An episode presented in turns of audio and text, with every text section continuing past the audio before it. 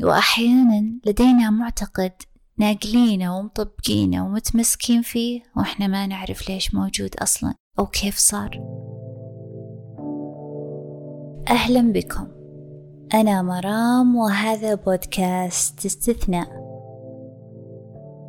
تحدثنا في الحلقة السابقة بعنوان تناقض البالغين وفن النسيان عن كسر البرمجة وكيفية التخلص من المعتقدات الخاطئة المكتسبة.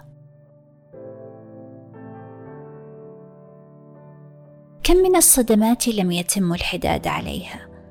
هناك ما يسمى بالخدر العاطفي، تبلد مشاعر من شدة الاكتئاب، يتهمونك بالقسوة وعدم الإحساس، بينما أنه من كثرة ما حسيت وعبرت وانخذلت ومن كثرة ما تحملت صرت ما تحس. تخاف أصلا تحس. كأنه سادد بظهرك باب خلف طوفان. كم من علاقة حب لم نستطع أن نعيشها كما يجب لأننا في طفولتنا وشعرنا بأننا غير جديرين بالحب والاهتمام. كم من علاقة حب تعاملنا معها بعوز وتعلق شديد لأننا جياع للحب منذ الصغر. كم فينا من عاجز أن يحب حبا غير مشروط. أذكر سمعت هذه الجملة من كذا بنت تقول اللي تعاملني بلطافة توترني تنرفزني أحس وراها شيء. شح عاطفي؟ تعرضنا في طفولتنا للكثير. وأين اختلفت القصص. فما أعرفه عن ثقافتنا أن الحب ارتفع سومه جدا وضاعت هويته لدينا وصقت به تهم كثيرة. منها العلاقات المحرمة منها الرغبة الجنسية. لا نعرف نأخذ الحب ولا نعرف نعطيه. كم من شخص كبر في المنزل كأنه لا أحد يراه. الأطفال الذين حظيوا بعلاقات أسرية باردة المحرومون من اللمس يفشلون في النمو والازدهار حتى ولو حصلوا على الطعام المناسب والحماية. قلة الضم واللمس تسبب تصلب الشرايين وأيضا ضعف في العصب العاشر. أحيانا هناك أسر تضع قوانين صارمة وتزمت قد يصل للوحشية في العقاب بلا مبررات ولا أسباب واضحة تخلق مستقبلا عدم الثقة بالأنظمة وعدم احترام للقوانين في بيئته.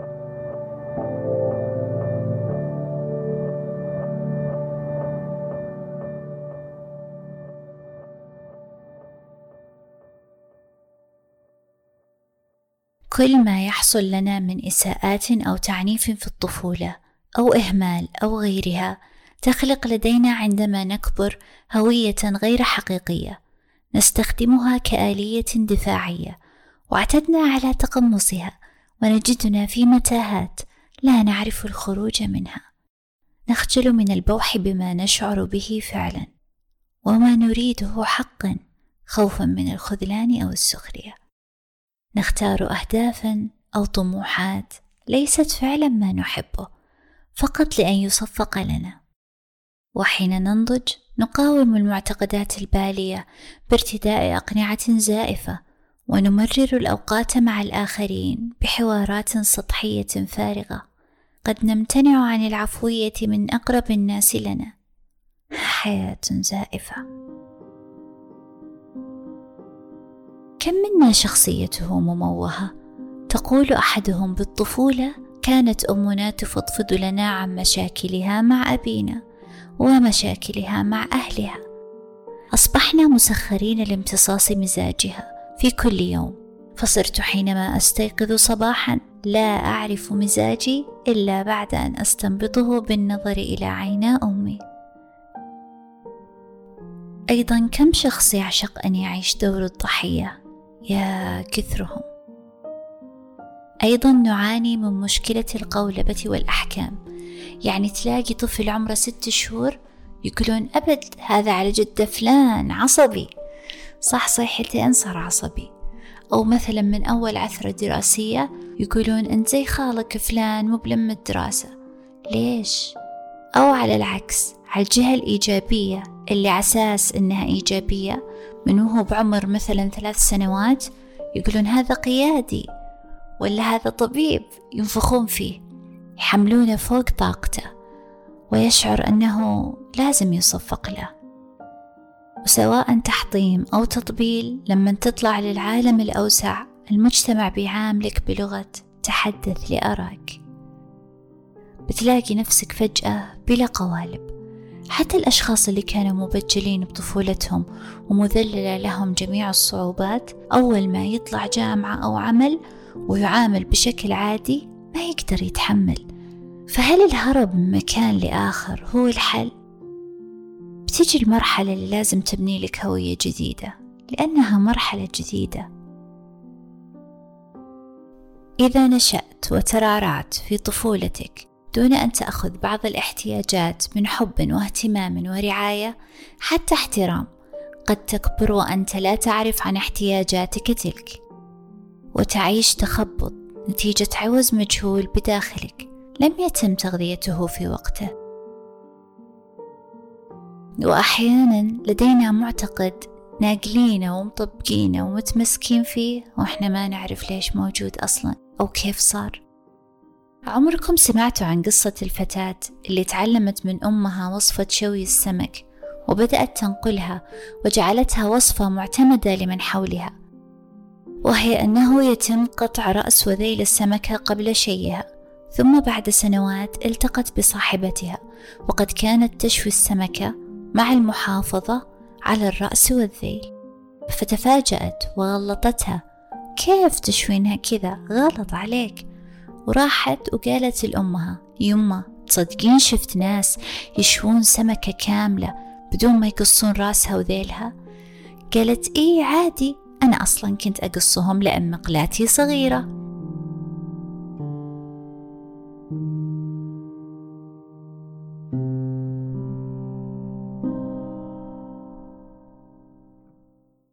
أحيانا هناك صدمات في الطفولة أو المراهقة أو ما بعدها ولم نكتفي بالحداد عليها ولا نعيها ولم نعبر عن ألمنا كما يجب.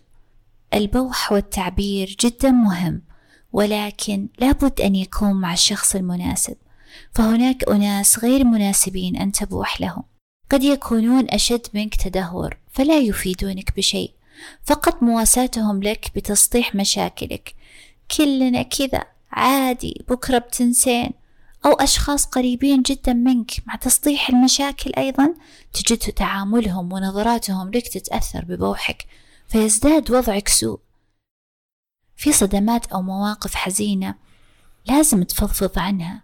ممكن تتعالج بالفضفضة بس يبيلك تعبر عنها وتفضفض كذا مرة. يمكن ياخذ منك الموضوع شهور وسنوات مع مراعاة أن الأشخاص اللي تبوح لهم يكونون محل ثقة وأشخاص مناسبين. ممكن مرشد نفسي ممكن مدرب حياة أو جلسات علاجية جماعية كما حصل معي في جلسات اليوغا. تكلمت عنها في حلقة دوائر الوعي. أحيانا تعبيرك عن مشاعرك يكون شرارة ووميض لفهم باقي قصصك وحياتك وذكرياتك المؤلمة. الثقيلة أذكر إحدى الصديقات قالت لي لقد عشت في طفولتي حياة أشعر أنها ثياب داخلية رثة. لا أريد أن يطلع عليها أحد. مهما ارتديت ومهما تنمقت أو تجملت يظل داخل ارتباك من أن يعلم أحد بها. والجميل بالموضوع أنك بإمكانك كسر برمجتك بطرق كثيرة طرحوها العلماء حتى نصل لقدرتنا الكاملة ويمكن تلخيص مراحل التحرر كالتالي أولا وعينا بقلقنا ومنغص عيشنا. ثانيا شعور به وإخبار الآخرين بقصتنا عنه والآخرين قد يكونون دفترك وقلمك.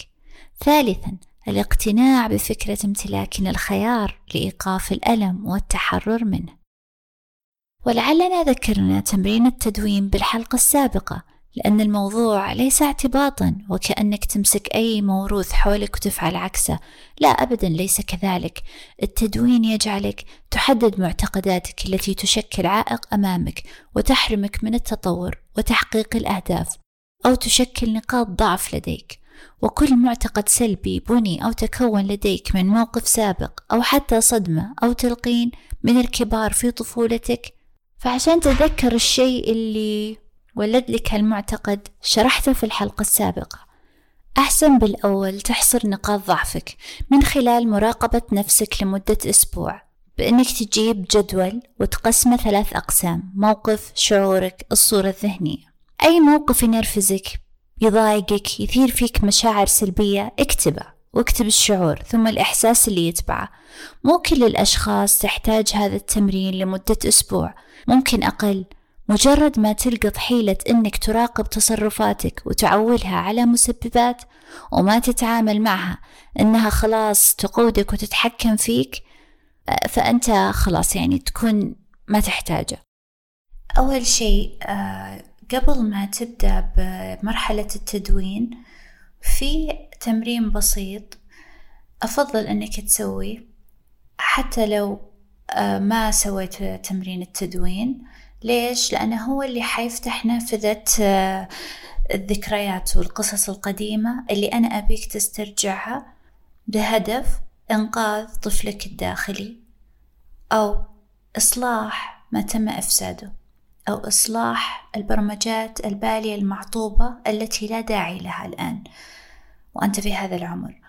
فالتمرين هو كالتالي إنك تجلس في مكان لوحدك وتستلقي وتسترخي وتستدعي الخيال. تحاول تتذكر شكلك وأنت طفل. تذكره كويس في مرحلة عمرية معينة بالعمر اللي يطري ببالك اللي تقدر تتذكره. بعدين أبغاك تتخيل نفسك وأنت بالمرحلة العمرية الآن وأنت بشكلك الناضج وأنت تروح تحضن هذا الطفل الصغير. تحضنه وتطبطب عليه ويعني حاول كأنك تقول له أنا بعوضك عن اللي فات آه، أنا مسامحك على أخطائك أنا وقل لنفسك وأنت طفل. أنا آسف أني رضيت لك تعيش كذا أو أني رضيت لك تتحمل كذا. أنا بعوضك وأنا الآن بنعيش مرحلة جديدة وأنا بحتويك. أفضل آه، شيء يعني بوابة الوعي أو من أعلى مراحل الوعي أنك تعامل ذاتك بشكل أبوي وتحن عليها. وبهذا التمرين بإذن الله بيساعدك. بعد ما تدون وتوجد النقاط المكررة مثلا تلقى متكرر بالخانات شعرت أني نكرة أو شعرت أني غير محبوب أو شعرت بأنه لا يتم احترامي الصفة المتكررة هذه تمسكها وتحاول ترجع للقصة يعني وتحاول تذكر القصة الأصلية أو أول موقف ولد عندك هذا الشعور. ستكتشف أن أغلب مشاكلك متصلة ومترابطة لذلك التحرر منها يحتاج صبر وحزم. وكثير منا يخاف نبش الماضي. يشعر أنه سيرتبك نظامه وستتراجع خطواته. لكن للأسف لا بد من غسل تلك الجراح لتكمل حياتك. مرحلة نبش الماضي وتحديد القصص المسببة لمعتقداتك الخاطئة أو سلوكياتك الغير محببة لديك مرحلة ليست سهلة وفيها نوع من الحزن والكآبة. لكن بيدك تخلصها وخلاص تنهي الموضوع بالكامل. متخيل توصل لمرحلة إنك تسولف عن قصة أو صدمة بشكل مرة مريح كأنها ما تخصك يعني عادي وبهدوء جدا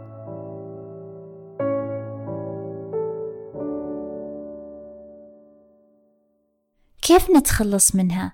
الطريقة كالتالي تجلس في مكان معزول ومريح وتسترخي وتغمض عينيك وتتذكر القصة المؤلمة وتصلحها جوا الخيال تحط مكانها حدث إيجابي بدال السلبي اللي حصل في السابق. طيب المواقف والقصص تختلف في صدمات في جراح في مخاوف وفي صفات أو معتقدات ودك تغيرها. كلهم إصلاحهم يتم بالتخيل والإصلاح داخل القصة. لكن القصص المؤلمة أو اللي أو حط بدالها بدال الحدث السلبي حدث إيجابي. طيب الأشياء المخيفة كيف؟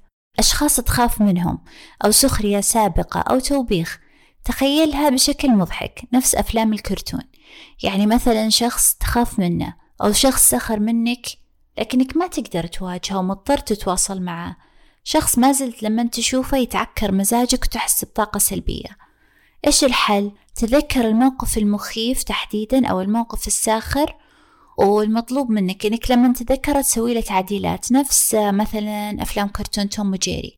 يعني مثلا تتخيل الشخص وهو يقول لك أنت غبي تتخيل مثلا في مطرقة من فوق تضربه وينفرد كذا بالأرض كأنه عجينة. ولا تتخيل عيونه تطلع من مكانها ولا تتخيل وجهها يحمر ويطلع من أذانه نار. عرفتوا؟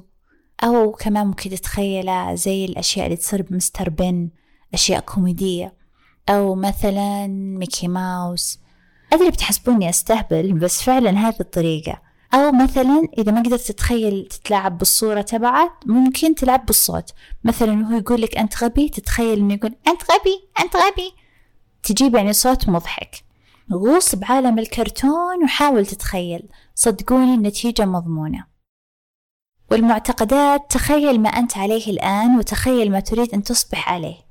واعتبرهم كأنهم شاشتين أو شريحتين PowerPoint تشوفهم في ذهنك.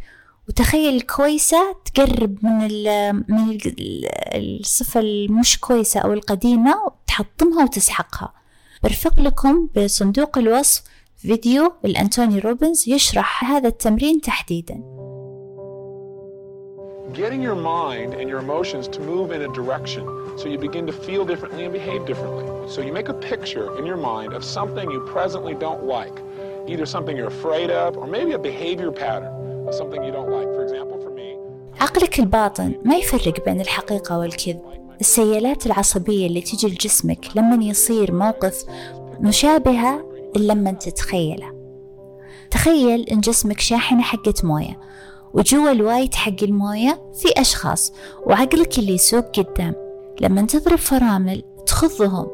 هم ما يدرون هو أسد اللي خلاك تضرب فرامل أو بسة. الخضة واحدة. ليدي غاغا صرحت مؤخرا عن إصابتها بما بعد الصدمة. جراء تعرضها للاغتصاب من شخص في طفولتها وتجاهلت الأمر ومضت قدما في شق طريق الشهرة والنجاح. إلى أن بدأت تشعر بآلام في مناطق مختلفة من جسدها داء ما بعد الصدمة اللي أصابها هو نفس اللي يصيب الجنود العائدون من الحرب ويأخذون جلسات علاجية نفسية بسببه. وهذا مثال واضح لأن الألم هو ذاته في الجسد تركيبته واحدة ومواطن الألم والخوف والهلع واحدة. لا يوجد في الجسد البشري ستين منطقة للهلع هي منطقة واحدة وإن تفاوتت الدرجات. والآلام والصدمات من مأمنك أشد من أن تأتيك من شخص غريب لكن لا أحد يريد تصديق هذا. التنمر من أهلك أو حتى إخوتك نفس التنمر من أشخاص غرباء بل قد يكون مؤذي نفسيا أكثر.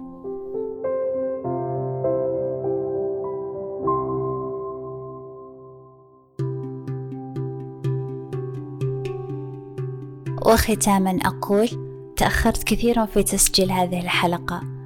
لأنني لا أريد أن أظهر في دور المنظر. لكن أنا إنسانة بحثت كثيرا لتجد ذاتها وبعد القراءة والبحث والاطلاع هذا ما شعرت أنه مفيد وحاولت شرحه بطريقة خالية من الجمود ومبسطة لتفهموها.